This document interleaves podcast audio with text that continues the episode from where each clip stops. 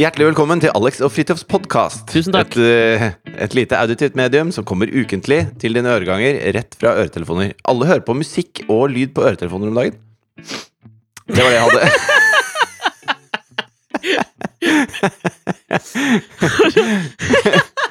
Du leter etter sånne sightgeisty greier å kicke opp samtalen med. Det liker jeg. Hva faen er greia med AirPods, da? Ja, Helvete, ser så altså. jævlig dumt ut. Ja, jeg lurer på eh, Altså, det har vært mye snakk om sånn derre Her skulle du faen meg få sightgeist-start på denne podkasten. jo men, jo, men bare fordi Jeg husker det var sånn Man må ikke ha laptopen på fanget, for det ødelegger sædkvalitet. Så da vi prøvde å få Jonathan, så fikk jeg ikke lov til å sitte med laptop på fanget. Skal jeg si det? Skal jeg innrømme noe? Altså, jeg jeg veit jo at Mari ikke hører på dette greiene her, men Ja. vi er jo i den der fasen nå hvor Mari er egentlig keen på å ha tre barn. Nei. det er ikke så alvorlig. Jo, men Altså, jeg, jeg elsker å ha barn, det er ikke det. Eh, nei, men det var en overraskelse. Ja, skal dere det? Nei, altså, jeg, øh, jeg er fornøyd med to, jeg. Ja. Og så Du jeg moser laptopen ned i fanget ja, men, ja, men vet du hva? Og, det, og dette er sikkert Det starta litt sånn som en sånn spøk mot meg sjøl. Men det er jo sånn et par ting, sånn som det, da. Sånn ha laptopen på fanget. øh, Mobilen i frontlomma at ja. Det er visst heller ikke bra. Nei, og Check. også skru på uh, veldig sånn høy setevarmer i bilen. Ja. Det skal, disse Det- tingene her skal jo ikke være veldig bra for sædkvaliteten, ettersom uh, sæden uh, pung, pung, Pungen Fy faen. Rett ned i altså. Nei, Det er i hvert fall en øh, jo, men lavere dette er temperatur ikke- der. Den skal helst ikke Men dette er ikke sånn underbukseprat. Nei, nei, dette er bare, ikke var prompevitser, overrasket liksom. over hvor kort tid det var før ordet pung kom, og sæd kom denne uka. Men det er jo en ganske Kom! Det er jo en ganske Ja, ja. Det er en ganske finurlig eh, innretning, altså pungen. jo, men jeg mener? Det er for Jo, tidlig. hør nå. hør nå Ja. Fordi at det, det med setevarmeren, det er jo ikke tull. Fordi at i gamle dager, sånn ordentlig gamle gamle dager, så strikka de jo sånne pungvarmere. Som gjorde at eh, Fordi at hvis, hvis sæden blir varmere enn Nå husker jeg ikke hvilken grad det skal være. Det er 100 litt grader koker den på. For det har du prøvd. har du kokt, Nei. kokt egg i sæd? Nei. Åh, åh. Ja, men skal, jeg tenker, er det så jævlig? Eh? Den har jo, et, den har jo skall. Ja ja, men allikevel så må du sette den eh, sikkert rimelig klissete egget da i et eggeglass Ja, eller? på bordet. Eller så skreller du egget først, da, uten å si det til mottakeren. Ja, da kan du sikkert bare eh, legge hånda di på, og så, ta, og så henger skallet fast i hånda di. Ok, nok Ja, om det! Det var ikke dit jeg skulle. Er det ditt vi er nå? Det er så mye, så er så Nei, mye å prate om, føler jeg. Men la oss bare, ja. Men det jeg skulle si, var bare at det, da, som et prevensjonsmiddel, da, så, så brukte de da eh, en slags vått på pungen, med, mm. som de knyttet en liten sløyfe på over skaftet, liksom. Mm. Som varmet opp pungen til det punktet hvor sæden ikke var dyktig lenger. Ja. Eh, for Føles det er derfor en- pungen en hever og senker seg. For å justere temperatur. Unøyaktig vitenskap, hvis du virkelig ikke er keen på å bli fatters. Jo, jo, men hvis du bor i Winterfell, så Ja. er det liksom Det er det du har å ty til, da. Ja, Du kan ikke stikke ned på 7-Eleven og kjøpe deg en eh, pakke kondomer. Nød lærer kåt mann å spinne sædpungsekk. Nød lærer kåt mann å strikke. Sånn er det. Sånn er det, ja. Ja, men jeg har jo nå tatt meg i det siste, kanskje først ubevisst, men nå stadig mer bevisst, å utsette sæden min for fare. For å Altså for å prøve å liksom minimere min egen sperm count. For disse soldatene er jo tydeligvis ekstreme. Altså, de er jo helt rå. Ja, ja, De det blir jo noe av I tide og utide, holdt jeg på å si. Ja, det er, det er jo det, og derfor er jeg litt sånn nervøs for det greiene der. Så jeg lurte på om det starta ubevisst. Nå er det fullt bevisst. At jeg virkelig prøver å ødelegge min egen sædkvalitet. Men er det sånn at dere prøver? Nei! Ikke jeg, i Nei. hvert fall. Nei, men snakker dere sammen om det? Ja, ja, vi har snakket om det, men vi har liksom ikke landet på Altså, jeg, vi har snakket sånn om det, som at Mari sier jo, jo, det skjer. Uh, og jeg sier nei, nei, det gjør det ikke. Jo, jo. Ok. Og da, vet jo, da tyr jo jeg, for da veit jeg jo at jeg taper, så da må jeg ty til på en måte kjøkkenmetoden, da. Og det er jo å varme opp min egen sæd så ofte jeg kan. Ja. Men eh, jeg syns jo dere har et, et ganske sånn logist, logistikk eh, En logistikkutfordring til vanlig. Ja, Eh, har ja. Marit noen plan for det, eller? Nei, og det der er jo sånn Det første jeg tror altså Dette her har jeg merket med veldig, veldig mange mannlige venner av meg. Som mm. på en måte er oppe i samme uh, problem. Og det er at det første vi tenker på, er ja, men faen, da må vi kjøpe en ny bil, for det er ikke plass til tre barneseter baki. Ja. Mens jeg tror uh, de fleste Eller jeg tror ikke. Dette er da min forskning på dette. Det er de mennene jeg har pratet med om uh, dette her om, de går dit. Mens de kvinnene jeg har pratet med om, de er veldig sånn Ja, men det praktiske løser dere. Tenk så koselig det er når de blir voksne. Og jeg kan anerkjenne det, men er det så jævlig mye koseligere med to enn én? Det veit jeg ikke. Hvor tett kan du bli med to? Usikker. ja, men du har jo to. Ja, men altså, hvor tett kan én søsken bli med to andre søsken? Det er Og tre. sånn, ja. Jo, det Altså, jeg er jo eldst av ni, da. Ja. Så jeg kan jo komme med litt livsvisdom der. Og det går fint an å ha mer enn ett søsken. Ja, det, så jeg skjønner jo at det Man går. blir close med de, liksom. Ja, Hvor close er du egentlig, ja? Jo, altså, jeg, det går fint å være nær med de. Altså, på tirsdag var jeg og så på Book of Mormon sammen med søstrene mine. Mm, det var ikke Eh, noe, så mye og- prating som krevdes for å sitte i en teatersal. Blir ikke close av det. Nei, men man tar jo et glass vin før og i pausen og ikke sant? Menger seg med uh, den kultureliten da, nede på Det Norske Teater, kan du si. Jeg tror ikke kultureliten går og ser Book of Mormon, ass. Det er der du tar feil, og det er faktisk ganske gøy, fordi jeg tror ikke de Nei. aner hva uh, Book of Mormon er. Kultureliten, altså- nei! Nei, ikke sant? Og det var Nei, så de sinnssykt mange Det var så sinnssykt mange sånne 60-70 år gamle uh, mennesker med stokk som bare drar og ser alt som går på det norske teater, for det er på nynorsk, og det er ordentlig, og det er, det er skikkelig, og det er stas. Og de har sesongkort, så de har lyst til Ja. å ha value for money på sesongkortet sitt. Og jeg tror at en del av de fikk litt bakoversveis når de fant ut hva Book of Mormon egentlig er. Altså, Ja, men- eh, Kitty, som jobber på Det Norske Teater, min ene søster, hun sa at det var det hender Oppkalt etter Henry Rinnans eh, kone, Kitty Grande Fitte. Nei, det er hun ikke. Hun er oppkalt etter eh, seg selv, Kitty. Eh, Men eh, i hvert fall så sa hun at eh, det er ganske ofte at det er en del som går i pausen, for det er for drøy kost, liksom. Mm. På Book of Mormon. Ja. Hva, ok, hva er det som er så jævla drøyt med kosten der, da? Du vet jo hvem som har skrevet det? Ja, ja, ja, det er jo de to South Park-gutta. Ja. Uh, og jeg anerkjenner jo at det sikkert kan være humoristisk. Liker eh, Føler du at eh, sånn bestemorgenerasjonen syns det er gøy når Cartman får en L-probe og altså Nei, men Er det analpirobering i Book of Mormon? Nei, men altså Allerede ganske tidlig i første akt så står liksom hele eh, Altså absolutt alle skuespillerne på scenen og synger flerstemt eh, 'Fuck deg, Gud', 'Rass, mor og fitte' er refrenget. Eh, så de tar i, kan du si. Ja, ok. Ja, men Da skjønner jeg at man kan sikkert reagere hvis man er 60-70-åring i en eller annen bokklubb som har kjøpt seg sesongkort på Det Norske Teater. Men herregud, så gøy det er. Altså, det er helt fantastisk gøy. Det er altså Det er så bra. Så gøy, da! Sightgeist-tingen! Som Ja. er mer sightgeist enn at folk har ear Altså folk hører på musikk i øretelefoner om dagen. Føler jeg at jeg opplevde på Facebook. Og jeg ser en øh, Jeg jo, har jo på en måte adoptert din, måte, din approach til Facebook. At jeg sier ja til alt som, som spør om å bli venner. Unntatt de åpenbare profilene som er fake. Ja. Og de er det ganske Eh, mange av om dagen. Ja, det er det, altså. Men dette reflekterer vel også da hvilke sider man er på. Og i på en måte For å senke min egen sperm count, så veit jeg ikke hvorfor det dukker opp så mye wink, wink. Nei, men Jeg tror ikke det har noe med det å gjøre. Jeg tror det har noe med at du Nei har da, en, del venner, en del venner med dårlig dømmekraft som trykker ja. Og da får de tilgang De spam-botsene får tilgang da til deg via dine venner som har trykt ja til dem. Så det som jeg syns var jævlig zeitgeistete da, var en eh, statusoppdatering fra en person som jeg ikke kjenner, hvor det sto noe sånt som um, ah, Shit, må levere en kronikk i morgen. Hva skal jeg skrive om? Hva skal jeg skrive der- om? Ja, og der føler jeg at, på en måte, at du ligger i en eller annen 2017-2018 zeitgeist. Så hvis du ikke har sterke nok meninger til å presse ut en kronikk, så mener jeg jo per definisjon at du ikke bør skrive den. Men jeg trodde kronikk var eh, liksom Altså, de som skrev kronikker at det ikke var et yrke, men det er sånn Nei, nå har jeg noe på hjertet som jeg ikke får sagt på noe, i noe annet medium. Så jeg skriver en kronikk og sender inn den om dette som jeg bryr meg veldig mye om. Jeg trodde ikke det var sånn at jeg, liksom, to ganger i uka skal jeg levere en kronikk. Jo, men altså, det fins jo det, finnes jo det òg. Ok? Men jeg tror, den, jeg tror den tradisjonen kanskje er sterkere i Sverige enn i Norge. Men vi har da vitterlig hatt kronikører her til lands, og vi har det vel fortsatt. Kjetil Rollnes er vel eksempel på en kronikør. Nei, men han Men- skri, ja, men han skriver jo bare for å irritere.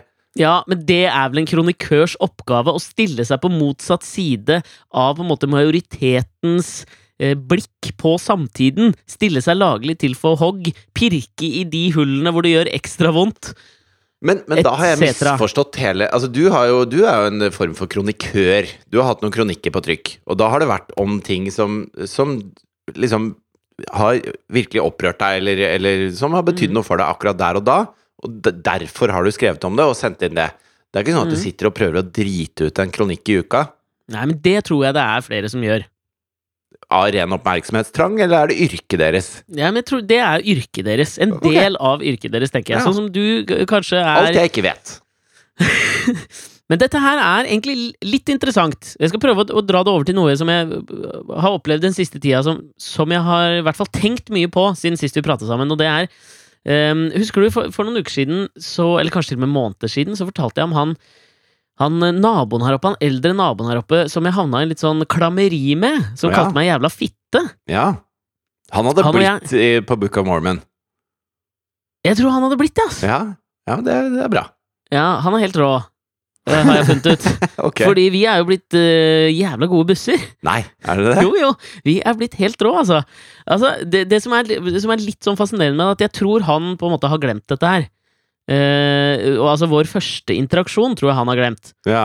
Uh, så nå er vi jo blitt kjempekompiser. Altså, vi sto og prata her et kvarter uh, utafor her i forgårs, mens jeg sto og måkte litt snø, og da var det liksom det var en spøkefull tone, og han kommenterte på at jeg hadde blitt litt grå i skjegget og lurte på om jeg var i starten av 40-åra. Vi kunne liksom le litt. Jeg tok av han lua og sa jeg er ikke like grå som Altså, du skjønner, her, vi er busser! Du Vi er i, dro av han lua? ja, jeg gjorde det. Vi har fått en køddete tone, jeg og Knut! Vi har fått Så- en ganske fet tone. Men det er ganske sånn Er ikke det litt sånn intimt? Ja, men der er jeg og Knut nå. Ok. Ja, og dette her Og oppi alt som har skjedd denne uka, så har jeg, så har jeg tenkt mye på liksom På dette her. Og, og det er Og nå kommer jeg til å høre så Du kommer til å kommentere på at det høres pretensiøs ut, og alt mulig sånt nå, men det er, det er virkelig ikke det jeg mener. Jeg har masse eksempler på dette her, men altså jeg Ja, men du, du er ikke pretensiøs, du er bare uh, sånn tvers gjennom god og har alle de riktige verdiene og mener det alle egentlig bør mene. Du er liksom den perfekte mannen. Du er ikke pretensiøs, du er bare perfekt. Altså, det er dine ord. Men du Ja. hører ikke at jeg sier imot, på en måte? Nei, få høre den upretensiøse tanken din, da. Ja, men altså, jeg har blitt så utrolig oppmerksom på hvor binær kulturen vår er. I hvert fall i Norge. Kanskje også over hele verden. Binær. Eh, ja, men altså, at den er Grei ut om binær. Ja, jeg skal gi deg noen eksempler nå, så skal jeg se om, liksom, om jeg kan på en måte hekte både deg og lytterne på tankegangen min her. Ja. Eh, nummer én er jo go gode gamle Knut-eksempelet. Som var 'jeg hata Knut, men nå elsker jeg Knut'. Og så satt jeg og så på uh, den første episoden av det nye showet til David Letterman. Han har jo kommet med nytt show nå. Men det har ikke jeg fått med meg. Nei, det ble Men- for kjedelig å sitte Men bare stille. Jeg, før vi slipper Knut helt, fordi at det, eh, Altså, han brølte jo eh, til deg. Kalte deg en jævla fitte, så vidt jeg husker. Mhm. Gamlemann. Eh, Ja. Og så og så tror du at han ikke husker det. Altså, jeg husker alle jeg har sagt det til, eh, og ment det, i livet. Fordi det er såpass få ganger jeg har sagt det til noen opp i trynet på noen. Så det betyr jo at Knut Det er grenser for hvor hyggelig Knut er. Hvis han kaller så mange folk stygge ting at han ikke husker hvem han har kalt det. Så et par måneder etterpå så står han og drar lua av deg og koser med deg og, Ja, jeg tror dette er én av to. varmer, Jeg tror det, varmer sæden din så du ikke skal få flere barn. Og, altså, altså, gjør en rekke ting med deg, da. ja, altså, dette er én av to. Jeg trenger Enten så har du helt rett, og så er Knut egentlig en mann av min smak. Som okay. bare Som ikke tror Han, han i likhet med meg, eh, har et forhold til banning som er mye mer lemfeldig, ettersom deres kobling til hva det betyr, er helt arbitrær. Han har sikkert hørt på podkasten om Ferdinand de Saussure-episoden vår, ikke sant? Om ordenes kobling til deres beskaffenhet. Og så tenker han vet du hva, jævla fitte betyr ikke noe mer enn bokstavene i rekkefølge. Altså, kulturen tvinger meg til å tenke at dette er helt jævlig, men det er det ikke. Enten så er han en sånn type, eller så bare er han så gammel at han har rett og slett glemt det. Ja, det er altså mulig. Og på begge, begge tingene er liksom litt sånn fascinerende for meg. Jeg har alltid drømt om en sånn En jævla gammel kompis.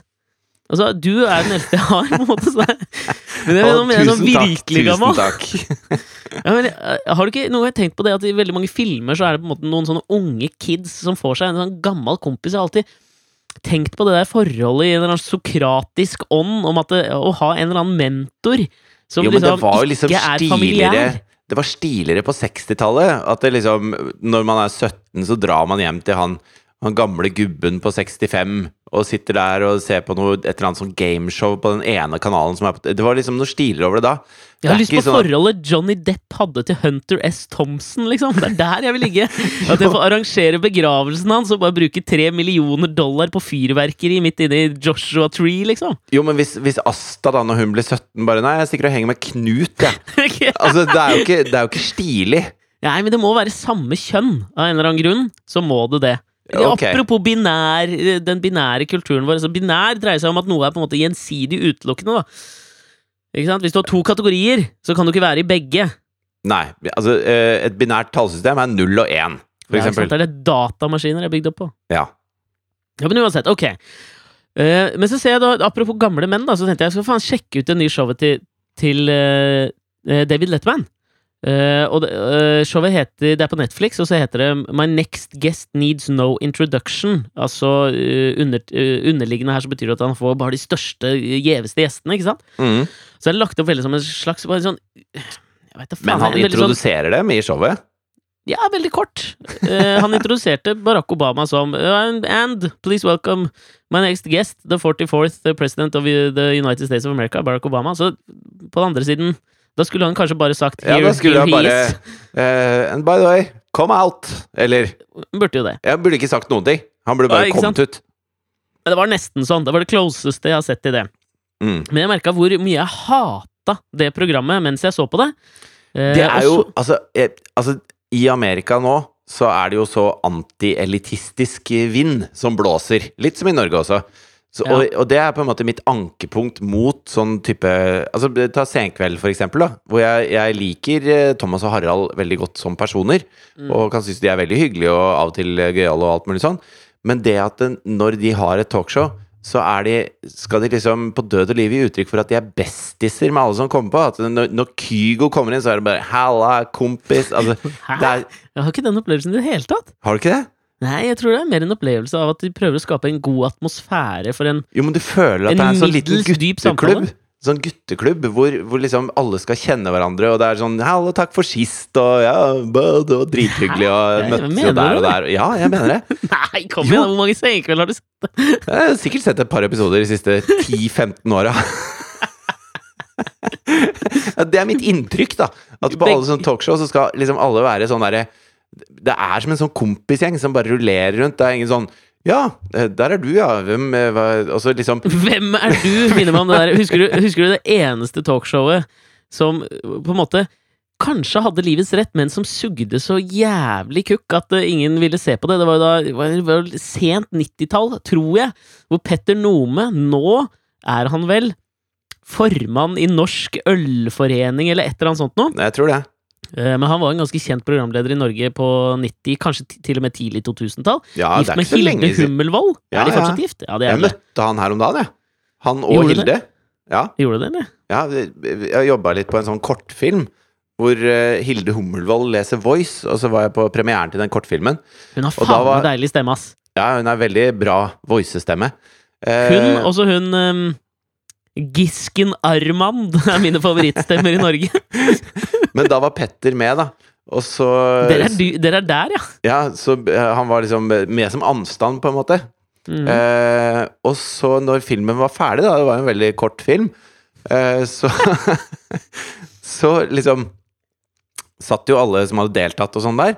Og Petter var jo en, egentlig den eneste som var der som ikke hadde egentlig gjort noe i den filmen, annet enn at, han hadde, at kona hans hadde brukt en ettermiddag på å lese inn eh, noen setninger. Mm. Eh, men han tok liksom Altså, han er fremdeles programleder, han, på en måte. Ja, ja. Da, det var nesten så han reiste seg opp og begynte liksom å stille spørsmål rundt omkring. Og ja, det som jeg syntes var fascinerende, var det, og hva var det du mente, og sånn. Og avbrøt alle. Så det var ingen som klarte å liksom eh, fordøye denne kortfilmen vi hadde sett. Vi måtte gjøre det gjennom Petter Nome. Og det var en snodig, en snodig opplevelse, egentlig. Fordi han hadde jo ingenting med det å gjøre. Og det, og det, Men kanskje det, det er seg- det beste? Nei, fordi at det dreide seg om eh, et ganske sånn smått tema hvor noen er veldig eksperter på det, og det er de veldig ekspertene som på en måte blir intervjua, og som Ja, hva, man følger. hva er tema? Temaet er eh, eh, Øyeblikket, heter filmen. Å ja, folk som er ekspert på øyeblikket, må vel være Thomas Hylland Eriksen, han øyeblikkets tyranniforfatteren. Nei, det dreier seg mer om, om idrettsutøvere og dansere og sånn, som øver så mye på én liten ting at kroppen bare gjør det helt automatisk. Altså, jeg har jo fortalt om disse gamle revolvermennene i eh, Altså, i Amerika. Cowboyene. Du og Knut hadde kommet jævlig godt overens. Ja, fordi at det, de har øvd så sinnssykt mye på å trekke fort, ikke sant? I tilfelle de kommer i en duell à la sånn Morgan Kane, Doc Holiday-type løsning. Hvor Morgan Kane er fiktiv, og Doc Holiday er på ordentlig. Og døde med støvler på. Eh, kjent for å gå med avsagt hagle, tror jeg Doc Holiday hadde. Velkommen til Eh, Alex og Knuts podkast, episode én. Men i hvert fall, da har de stått og øvd på å trekke fort, ikke sant? Eh, men de som overlevde sånne dueller, det var ikke de som trakk først. Selv om du skulle tro at hvis du er den som trekker først, så har du et lite forsprang på den andre. Jeg tipper Men- det er den som skyter best, jeg. Nei, det er ikke det heller. Det er den som trekker nei! sist. det dummeste jeg har hørt. Den som skyter best, vinner jo! Nei, men hør nå, da. Fordi Ja. at det, i det øyeblikket man gjør et bevisst valg, Mm. eh, så reagerer da, da Da sier du til kroppen 'trekk revolveren', og så, og så gjør den det. Og det tar lengre tid enn at man bare reagerer på noe. Fordi at da er ikke den bevisste hjernen kobla inn. Så hvis du Aha. er han som står og venter, hvis du er iskald, og så i det øyeblikket den andre trekker, så bare reagerer kroppen din riktig, så Mm. vinner du. Uh, og det er jo som en eh, For eksempel en alpinist, da. Han kan ikke øve Altså, han kan, han kan kjøre masse på ski, men du kan ikke bruke huet til å tenke en bevisst tanke at nei, nå må jeg dytte mer med høyrebeinet for å komme meg inn i den svingen her. Alt det må bare ligge i kroppen. Og hvis du er til stede i kroppen når du gjør det, så mestrer du øyeblikket. Og det er det den filmen handler om. Ja, jeg forstår. Petter Nome hadde jo da programmet eh, Et talkshow. Ja. Jeg tipper sent Jeg kan dra 90-tall. ned på et slags sånn mer elementært nivå, da.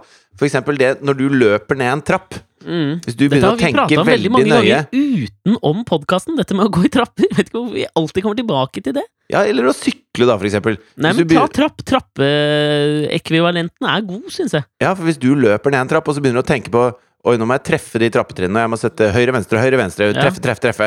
Da går du på trynet, liksom. Hvis du bare Mm. lar kroppen fikse det, for den kan det, så går det fint. Her skal du si eh, Du har gjort inntrykk på livet mitt på veldig veldig, veldig, mange måter, men det sparer jeg til forlovertalen med resten. Men én ting hvor du faktisk har gjort uutslettelig inntrykk, er at hver gang jeg går i en trapp Ja. dette, er, jo nå, dette er ikke tull, altså. Hver gang jeg går i en trapp, så tenker jeg på deg. Oi.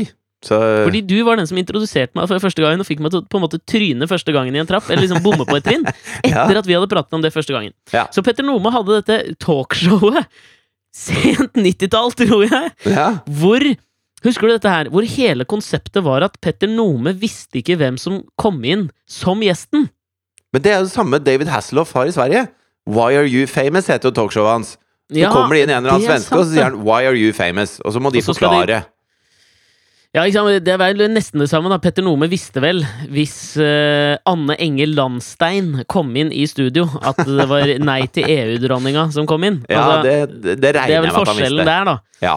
Men smidd over samme lest kan vi vel si at det var. Men uansett, da, tilbake til dette her showet til, til Letterman. Eh, Så merker jeg at jeg sitter og hater det så intenst mens jeg ser på det, fordi det er så jævlig sånn softballing-intervju. ja. Eh, og jeg føler at han på en måte har eh, Han har nesa dritlangt opp i ræva til Obama sånn gjennom hele intervjuet. Mm. Og det var, liksom, det var ikke ett kritisk spørsmål, og det var tydeligvis et slags bevisst valg på at han skal ikke ha noe manuskort eller noe, dette skal på en måte bare være en samtale mellom to personer som har levd i offentligheten, og så kan man dele erfaringer om det, og det for meg så holder det ikke, da. Og så merker jeg da, eh, dagen etter, som er i dag, eh, at når jeg liksom får det litt på avstand, så kan jeg på en måte trekke ut sånn, noen gode elementer som jeg syns var dritbra, og, og som jeg likte kjempegodt, og kanskje bare sånn ok, jeg så at det var noen harde klipp der og der, kanskje Obama hadde satt noen noen føringer for intervjuet, eller altså, og så videre, og så videre. Samme med den der HM-kampanjen som gikk litt eh, Litt er å ta i, litt sånn Altså, det, det, det skar seg jo litt med denne mørke gutten som hadde på seg The Coolest uh, Monkey in the Jungle-genseren. Ja, så alle, alle HM-er i Sør-Afrika har nå stengt. De har Ja. blitt lagt ned. Hvor jeg med en gang tenker liksom, hvor faens jævla fintfølende skal vi være nå, og alt mulig. Altså, jeg blir så ordentlig irritert, men samtidig så kan jeg jo Nei, forstå men akkurat den. Hallo, liksom. Altså, et eller annet sted må du tenke bitte lite grann, da. Altså, når du, når du er på HM i Sør-Afrika, og så har du en svart liten gutt som står at du er den kuleste apen i jungelen så Det Mm. ligger så mye Det ligger så mye historie som ikke er så innmari langt tilbake der, at det, Nei, det er der kan man tenke lite grann, da. Ja, det er det jeg mener, jeg òg. Først så blir jeg så jævlig sånn ah, Hva faen, skal vi liksom er, er takhøyden en millimeter nå? Men så ender jeg opp der etter hvert også. Eh, og så eh, Nå skal jeg ikke kjede med jævla mange flere eksempler på dette her, men jeg, liksom, jeg merker at jeg har en million eksempler på hvordan jeg på en måte har tilnærmet meg den offentlige diskurs på akkurat denne her måten. Og grunnen til at jeg begynte å tenke på akkurat her, dette binære forholdet, da, som jeg føler at jeg på en måte beskriver nå, det var at jeg hørte et sånt foredrag av en fotojournalist som heter Sue J. Johnson. Og hun snakker egentlig om noe annet. Hun snakker om dette her med hvordan Ja, men hør meg ut nå, da. Hun snakker om hvor, hvordan snakker vi med barna våre om sex? Hva er det vi lærer barna våre om sex? Mm. Uh, og hun mener at vi tar en helt sånn feil approach til akkurat det. At vi prater veldig sånn mekanisk om det, men at vi heller burde snakke litt mer om på en måte, altså, Kanskje sånn følelsene rundt det. Og hun ga et sånn godt eksempel på det. Som fikk meg til å tenke på akkurat dette her. Og det var at eh, noe hun gjør med barna sine, er at hun, eh, hun tar armen deres, og så, og så stryker hun sånn Du vet når du blir kilt på armen. Ja, ja. Jeg syns jo det er utrolig deilig. Ja. Det er godt. ja, det er godt. Og så tenker jeg ikke noe mer over det. Jeg tenker bare at det er godt. Og det hun sier. Altså sånn, det barna sier med en gang, det er liksom Ja, det er deilig, det er godt. Og så tvinger hun dem på en måte til å beskrive følelsen mer. Mm. Ja, men altså, hva er det det gjør med deg? Eller sånn, Du må liksom Godt eller vondt? Altså, hvis jeg klyper, det er vondt. Hvis jeg kiler, det er godt. Det, det, er, sånn, det er jo et spekter. Hvor gamle Altså, er disse barna? Bare, Ja, må det var det første jeg tenkte på. litt her. Ja, Det var det første jeg tenkte på, for jeg prøvde med Asta, og det var liksom bare det er godt. Ja, men prøv å finne et annet ord, ja, det er deilig. Jo, men, okay. jo, hva er det hun skal til da? Skal hun liksom forklare at sånn, sånn er sex også? Nei, eh, hennes eh, Fordi at altså, da, hen- da risikerer Altså Hvis du gjør det med en tolvåring, da, og så sier du at ja, men, ja, men det er det det er det det egentlig dreier seg om. Så det er egentlig veldig ålreit, liksom. Nei, hennes, Så hennes ender det jo med at de får kjempelyst til å Thea, blant annet, er jo helt avhengig av å bli kilt på ryggen. Det syns hun er grisetopp. Mm. Eh, men jeg har ikke lyst til å eh, nå, når hun er ti, på en måte dra det over til noe seksuelt, liksom. Jeg har lyst til at det skal være kiling på ryggen. Jeg er helt enig, og det var jo hun òg. Altså, hennes mål med det var jo på en måte å gjøre Bare gjøre barna litt mer klar over det, det spekteret av følelser vi op opererer innenfor. Det er, ikke noe, det er ikke noe bare sånn at ting skal være godt eller vondt. Du må på en måte være bevisst dine følelser mer. Så dette Mhm. var en slags bevisstgjøringsprosess. Da, en slags følelsenes dannelsesroman, ikke sant? Ja, men jeg skjønner fremdeles ikke hva det har med sex å gjøre. Ja, men det, altså sånn, Sex kan være godt! Det kan være ekstra godt, det kan være supergodt, det kan føles feil, men Ja. allikevel bli godt. altså, Du skal bare bli bevisst på dette spekteret vi opererer innenfor, som vi kaller følelsesinntrykk. Ja. Ok. Det var det som fikk meg over i tanken om at vi opererer med en altfor binær Altså et altfor binært forhold til liksom alt fra populærkulturelle fenomener som på en måte Letterman, eller til offentlige debatter som denne gutten med Coolest Monkey in the Jungle-genseren. Og det er at vi, vi alltid går ut eller i hvert fall jeg, da, og jeg tror sikkert mange med meg også, sikkert du òg, at du går ut med en sånn umiddelbar sånn tanke om enten så Nei, fy, for noe dritt! Eller, eller jævlig bra. Ja, men Og at vi må begynne å bevege oss. Eh, Og det var det jeg gjorde med Jo, Knut òg! For en jævla da. drittsekk! Han kalte meg jævla fitte. Og så merker jeg nå at Men Knut er jo ikke bare jævla fitte. Knut er et spekter, han. Ja. Eh, velkommen til de voksnes rekker, Aleksander. Nå skal din, eh, din eldre venn også eh, fortelle deg noe. Ja. Eh, når det gjelder HM-eksempelet, så det er klart at det fins flere lag i det. Men det som er det har jo med avsender å gjøre. Altså hvis, hvis et stort konsern skal liksom prøve å være kule ved å skrive noe som er liksom litt edgy, og så, og så har de tenkt seg så kort om, da, så er det noe helt annet enn hvis, eh, hvis en som bor i liksom som bor i, i slummen i Johannesburg, får trykka sin egen T-skjorte som han syns er gøy, liksom, og så, og så står det akkurat det samme, så er det to helt forskjellige ting, selv om det står akkurat det samme. Og Ja, det er det de reagerer på. At det er liksom her skal de komme og liksom late som de eh, Late som de har en, kan ha en sjargong de ikke har fortjent. Ja, men Fortjent på hvilken måte, da? Eller nå skjønner jeg ikke hva du mener. Nei, jeg mener Det er akkurat som eh, i amerikansk hiphop, så er det noen som kan si et ord som begynner på N, mens andre kan ikke si et ord som begynner på N. Eh, fordi at man må liksom være Louis C.K. liksom- hadde hata deg nå, for han mener at du legger det ordet over på mottakeren og si inni sitt eget hode. Din pingle. Ja, men eh, jeg hater Louis C.K. for helt andre ting, så jeg tar meg ikke noe nær av om han hater meg akkurat nå. Det syns jeg er helt greit. Ja, det er greit, det.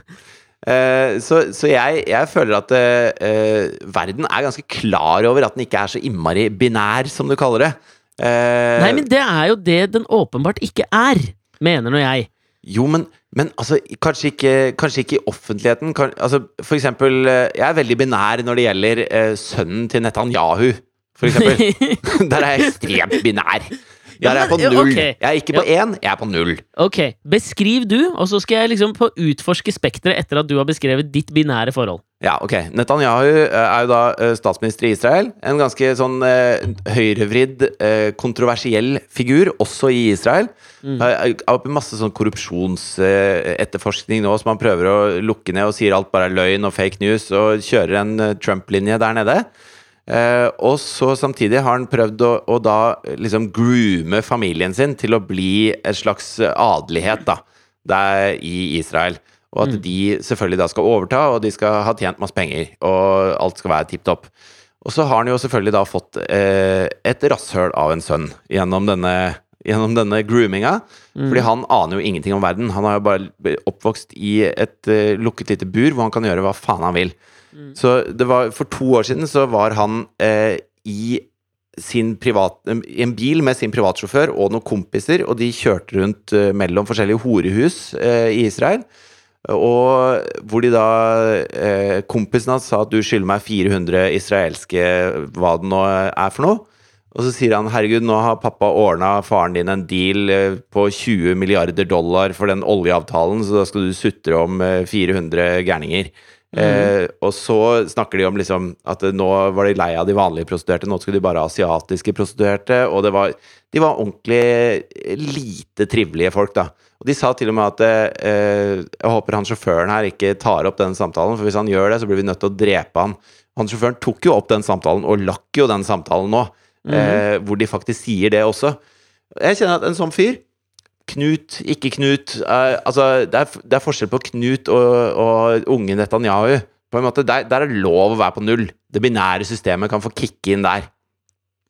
Selv om han helt sikkert av og til har grått når han ser eh, Titanic, eller Altså, han har sikkert noen Det skal være lakmusen! Nei, men han har sikkert følelser et eller annet sted inni den iskalde kroppen sin.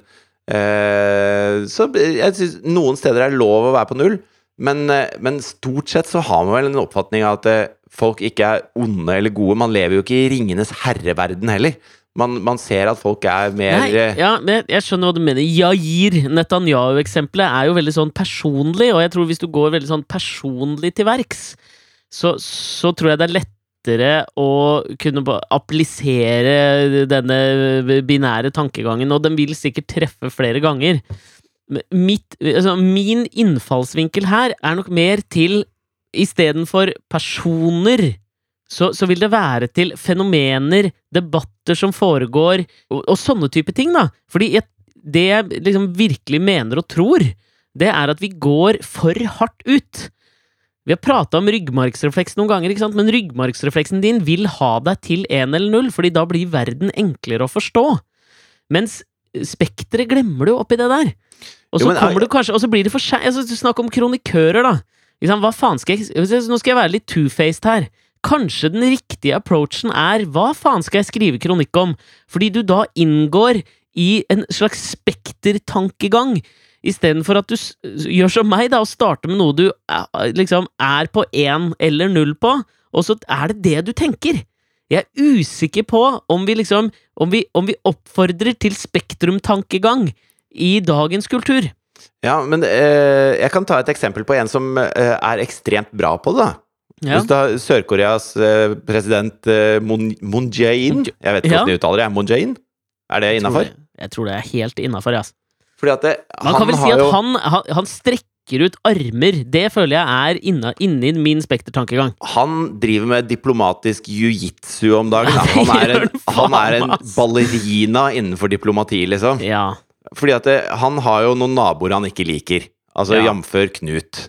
Og så har han et forutstående OL som kan by på enkelte utfordringer hva gjelder dette Altså, forholdet. la oss si vi tar dette ned på et sånt familiært nivå, da. Han Ja. har et rasshøl av en nabo. Mhm. Som bare eh, driver og Som bare driver og ødelegger Kjører traktor på plenen din hele tiden Og, og Og mens han roper jævla fitte og svinger T-skjorta si over Ja. huet. Og, kjø, og, og liksom øh, Altså, han, han ødelegger alt du driver med. Og han vet at du skal ha bursdagsfest for datteren din I morgen Og han vet at du har invitert alle menneskene du liker Og alle foreldrene til alle i barnehagen til datteren. Altså det blir fullt hus Og det er viktig for deg at, de, at denne dagen går bra. Og da ser du han bare stacker opp med liksom eh, Pantera-skiver og flytter ut eh, svære høyttalere i hagen. Og lager stinkbomber han putter i ventilasjonsanlegget på bygningen. Og han bare er et rasshøl, liksom. Han, mens han brøler fittetrynet hver gang du beveger deg ut døra. Og du er litt sånn åh, hvordan skal vi klare å få gjort noe med dette her? Og så prøver du å si til han Vet du hva, kan ikke du bare komme inn, på, komme inn på en kopp kaffe, så prater vi sammen. Mhm. Eh, Og så holder du på sånn. Men samtidig så har du en onkel, da. Ja. Som, som er på Skype med deg hele tiden. Og som, som hver gang han naboen åpner kjeften, noe han gjør hele tiden, så bare brøler onkelen din på Skype. Eh, onkel De er Donald. en og La oss kalle han onkel vi- Donald. Ikke Ja, sant? la oss si at uh, Skal vi si at nabo, nabo Kim er én, og onkel Donald er null. Ja. La oss si at begge er null, og du er én, da, i et binært system. Og så Ja, okay. sier onkel Donald at uh, vi, vi går og banker han opp. Vi må gå og banke han opp. Det er det eneste han skjønner. Vi går og banker han opp. Og så prøver du å si at ja, men han har masse kompiser der, liksom. Mm. Det kommer til å gjøre dritvondt. Og når du er dratt, onkel Donald, så kommer han til å banke opp meg hver dag etter det. Meg og alle barna mine. Jeg er ikke noe fan av det. La oss ikke banke han opp. Mm. Eh, men du trenger å ha onkel Donald på laget i tilfelle Kim kommer og prøver å banke deg opp. Mm. Ikke sant? Så det du da gjør, er at du inviterer Kim på kaffe så mange ganger, og så til slutt så sier du Vet du hva, du kan faktisk komme i bursdagen til dattera mi. Eh, Vi skal ha litt leker. Vi skal ha litt Mm. leker i hagen. Det kommer du til å like, liksom. Ta med deg et Eh, hockeylag. Vi Ta skal med et spille hockeylag. Og så har jeg hørt at dere har noen bra isdansere dere kan ta med. Ja, ta med de òg. Og så eh, til slutt, da, så får du han til å komme på kaffe, og så tenker du fy faen, onkel Donald kommer til å klikke når han har hørt at jeg har tatt inn nabo Kim på kaffe, liksom. Onkel Donald har bare lyst til å banke han. Alle, Mm. Og onkel han- Donald har jo også med seg et hockeylag og flere isdansere. ja, flere isdansere enn Kim har. Mm. Så hvis og Onkel Donald har jo banka opp alle som har prata med Kim noensinne, liksom. Det er det onkel Donald driver med. Så det, det Munjain gjør, da, er at han, han prater med Kim. Og så får han Kim til å komme i bursdagsfesten. Og så sier han tusen takk til onkel Donald. Han sier det var fordi onkel Donald viste muskler at dette gikk bra. Så han gir onkel Donald kred for noe onkel Donald egentlig ikke ville, men som onkel Donald nå er nødt til å si ja til. Så det, det er diplomatisk jiu-jitsu. Det er det motsatte av et binært system. Det er å se mulighetene, utnytte styrker og svakheter, og bare få alle til å danse sånn som du vil. Jeg applauderer. Et slags diplomatiets gepetto. Ja, så får vi bare håpe at denne bursdagsfesten går dritbra nå i februar.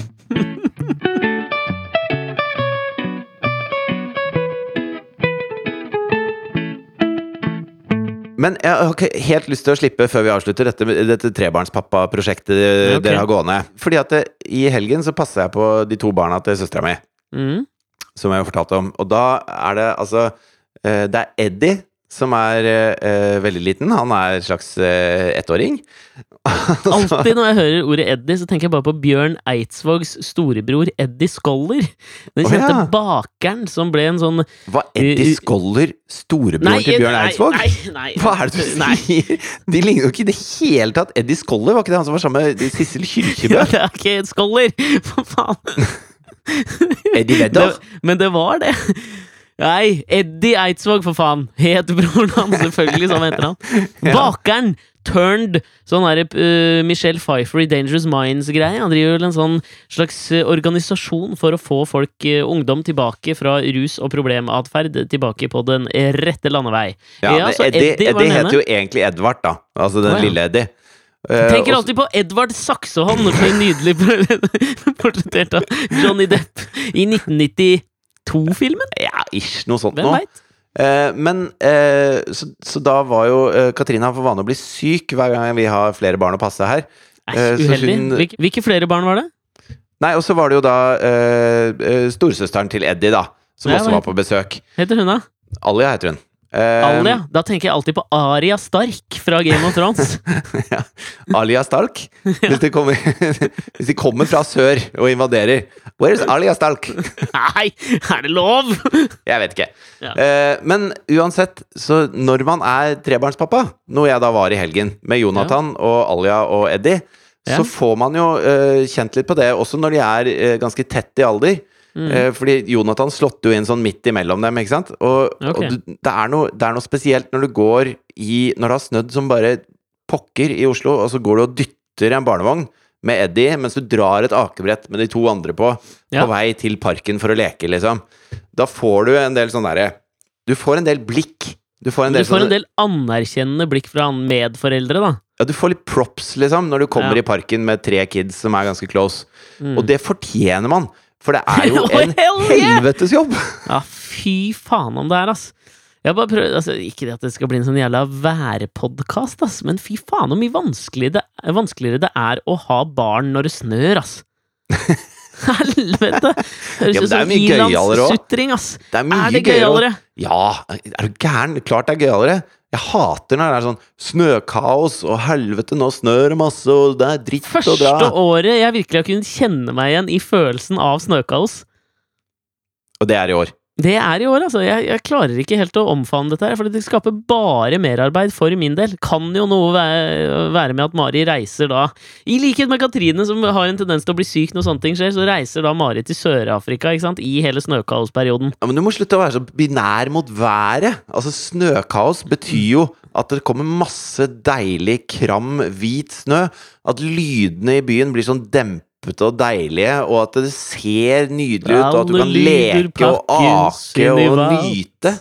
Vi tenner våre lykter Nå føler jeg meg ble gladkristen, ass. Ja, men jeg, vet du hva? Jeg gikk og sang på den helgen. Det er ikke tull. Nei, Jeg gikk og nynna på den for meg sjøl. Katzenjammer-versjonen! Typisk deg å gjøre. Nei, bare originalen. Syns den er fin. Fin låt. Nei, men det, akkurat det der har jeg store problemer med. Litt også fordi at Klara har blitt veldig sånn obs på det her. Blir, hun har på en måte fått det motsatte av meg. Hun har oppdaget at hvis du setter deg ned i snøen, så blir du kald i rumpa. Så det eneste hun vil gjøre, er å sitte i snøen. I dag hjem fra barnehagen så dro jeg henne etter beina, for hun nekta å stå. Altså gjennom snøen, for hun syns det er så deilig å bli kald på rumpa. Vet ikke hva det sier om. Nei, det er snodig. Er ikke det litt snodig? Ja, jeg har ikke noe å følge opp det med. Jeg har det. Vil du høre? Ja. En anekdote. Jeg kom på noe om kulde. Ok.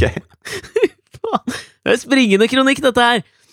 Kom til å tenke da på ma- mannen som oppfant Altså, i gamle dager, da du ikke hadde muligheten til å kjøle ned trykkpressen, som trykket aviser og fanziner, Ja. så var det da en mann som het Hva het han? William Dyers, tror, Dyers, tror jeg han het.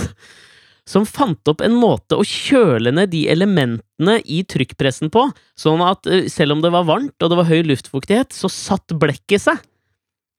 Ikke sant? Okay. For det var et veldig problem. Dette var jo i Amerika på X-tallet, jeg husker ikke når.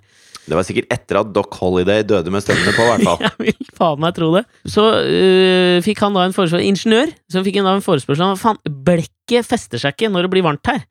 Så vi har et problem, vi får ikke trykket opp disse nydelige fanzinene og avisene våre. Det han gjorde da, han var fant, ut, fant opp en måte å kjøle ned disse her Jeg er ikke så teknisk anlagt, men han fant opp en måte å kjøle ned disse metallsakene som, eh, som avispapiret og fanzinepapiret snurrer rundt. Ja. Og det som er så gøy med sånne oppfinnelser, det syns jeg er Det er så typisk deg. Du har ikke noe info om hvordan han gjorde det. Nå er jeg skikkelig spent. Ja, ja men det veit jeg jo ikke, for det er jo ikke det interessante. Det Det interessante er det. interessante er eh, ramifikasjonene dette får for verden. Ja.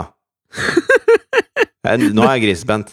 Ja, for det, det som skjer da, er jo at flere plukker opp på dette her, at en fyr har funnet opp en måte å gjøre varme ting kalde på, ikke sant? Ja. Så det første som skjer, det er at eh, han approacher en god del store sånne mm, cinematografer i USA på denne tiden.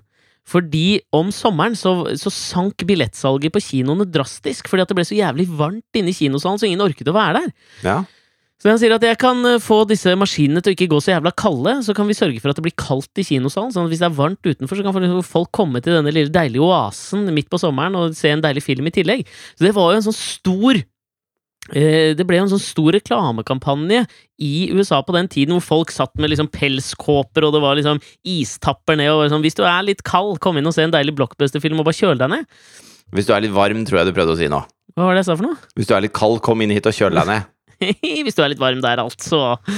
Uh, og det, i, altså, i ytterste konsekvens, nå i dag, så var jo det det som var med å skape sommerblockbusteren, som jo er en enormt stor franchise i dag. altså de store studiene pumper jo inn filmer mot sommeren på grunn av denne mannen som bare skulle finne opp en ting til trykksverten. Og i tillegg så så sørget jo han for at hus fikk aircondition. Altså, aircondition-teknologien er basert på nøyaktig den te teknologien han gjorde, som gjorde at folk i USA kunne spre seg over større steder, til og med sørover. Det var mye eldre folk som flyttet sørover. Florida, Texas, nedover der. Det ble også en sånn veldig eldrebølge ned dit på grunn av nettopp dette her, og det sørger for at Ronald Reagan vant valget. Ikke sant? Dette her er jo mye mer interessant enn hvordan han akkurat fikk den jævla dritten til å bli kald! Eller hva? holdt med vifte. Ja, Ja. takk for meg! Det var det jeg hadde på kullet. Hvor Ok. var det du skulle? Nei, eh, det, altså Asta har jo også funnet opp en måte å gjøre veldig varme ting kalde på, da. Typ. Ja, Klara, i hvert fall. Klara, ja. Men, men uansett, det var på en måte ditt du ville. Du ville inn i det- du- Jeg, jeg avbrøt deg. Inn ja i nei, altså, jeg prøvde bare å si trebarnspappa-verdenen. at, eh, jeg prøvde bare å si at det å, det å prøve å være trebarnspappa eh, tror jeg er veldig annerledes når man gjør det litt sånn eh, en helg, enn når man gjør det hele tiden. Jeg tror det er mye lettere å gjøre det hele tiden enn bare en helg. Ja, men det er veldig men- gøy når man gjør det bare en helg, Fordi da det kom Altså, det det er sånn som uh... Det er sånn som, eh, hvis jeg kan bryte inn igjen med en liten anekdote Nei. Jo, hør på denne. Her jeg tror jeg For se hvor godt jeg kjenner deg, da. Om du føler at denne anekdoten er passende for det du prøver å beskrive. Nei, det er den ikke, vet du, men jeg drar den allikevel. Men jeg føler at det er kanskje litt den samme Jeg kommer til å vende tilbake igjen til en av mine liksom, eh, eksentrikerfavoritter, David Lagerkrantz. Du vet, altså forfatteren av Zlatan-boka, og han som skulle da fullføre Stig Larssons eh, Millennium-trilogi med en firer, til å få det til å bli en firilogi. Ja. Jeg så et intervju med han hvor han fikk spørsmål om uh, Fredrik Backmans suksess. Er ikke Fredrik Backman den eneste forfatteren som har fått deg til å gråte av en bok der du satt på en fortauskafé i Barcelona på et tidspunkt? Jo, jeg har grått av andre bøker også, men, men da gråt jeg godt. Det var den derre liksom. Ja, da gråt jeg godt. Mannen som, fikk, mannen som het Ove. ja, En da, mann ved navn Ove er det. En mann med navn Ove, ja. Um, uh, og han fikk spørsmål om Klarer du på en måte å glede deg over Fredrik Backmans suksess? Det var da Backman akkurat nådde toppen av New York Times bestselgerlist med sine bøker. Sin Ja. bok. Var det en mann med navn Ove? Hvem Jeg vet? tror det. Jeg tror det. Og så svarer han liksom overraskende ærlig på det. Og det er jo det at hvis jeg ikke hadde ligget Hadde hatt ligget på New York Times bestselgerliste på toppen, så hadde jeg aldri klart å glede meg over Fredrik Backmans suksess. Men, nå, men nå når jeg har gjort det sjøl, da klarer jeg å glede meg over det. Da unner jeg han suksessen. Jeg skjønner. Så smålig. Ja, men er det ikke litt der man ligger? At du er så smålig at du vil ha den derre helgepappa på en måte ø, anerkjennelsen, men det å gjøre det hele tiden, ja, da, da blir det litt verre. Tynn? var- Ja, tynn. Syltynn.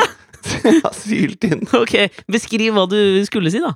Nei, altså det jeg skulle si var bare at det var, det var innmari hyggelig, og eh, jeg syns det er så rart hvordan Ikke sant, sånn som eh, Alia er veldig godt oppdratt. Eh, hun eh, I motsetning til Aria, si.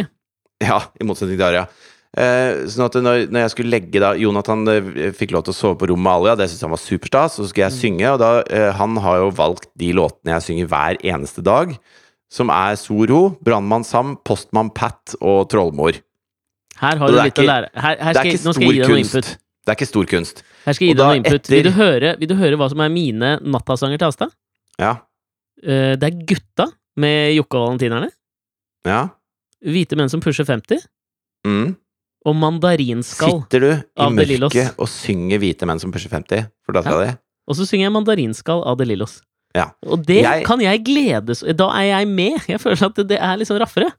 Ja, jeg har litt sånn Jeg syns det er fint at det er noe gjenkje... Altså, han er veldig glad i at det er de samme sangene, det liker han. Mm, Og jeg liker, jeg liker at de er korte. Det liker jeg. ja, jeg liker at de er jævlig lange. Men i hvert fall, eh, Alia var litt sånn eh, misfornøyd. Hun var ikke helt eh, syntes ikke det var helt innertier. Etter Soro så sa hun det var kjedelig, og når jeg begynte på Brannmannsam, så var hun sånn Stopp pressen. Nå går okay. pressen varmt her. Blekket fester seg ikke. Eh, så da sa hun jeg tror det er bedre hvis jeg synger. Og da okay. sang hun Kyrie eleison. Det er nydelig, altså. og jeg bare Ja, det var mye bedre. Det var kjempefint. Takk for meg. Da, my work here is done. Nå kan jeg gå. Så jævla rart. Ja. Låtevalg!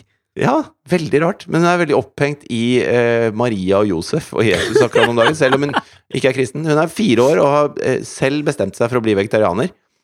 Hva?! Ja, av, av etiske grunner. Ok! Så ingen i familien der er vegetarianere, bortsett fra henne. Det har hun bare gønna på med. Og det syns jeg er kult, da! Da har du bein i nesa. Shit, da har, du, da har du gjort noe riktig i starten der. Altså, det er litt hvassere enn å ha klart å få lov å synge eh, Jokke og Valentina-låter på senga. Altså. Ja, og så, og så er hun veldig opptatt av at eh, man ikke skal prompe i utide. Det kan jeg like godt. Eh, men For ei jævla helt moralkjerring! Jo, men hun har ikke helt naila hvordan Altså, fordi jeg Jeg forsøker jo ikke prompe i utide.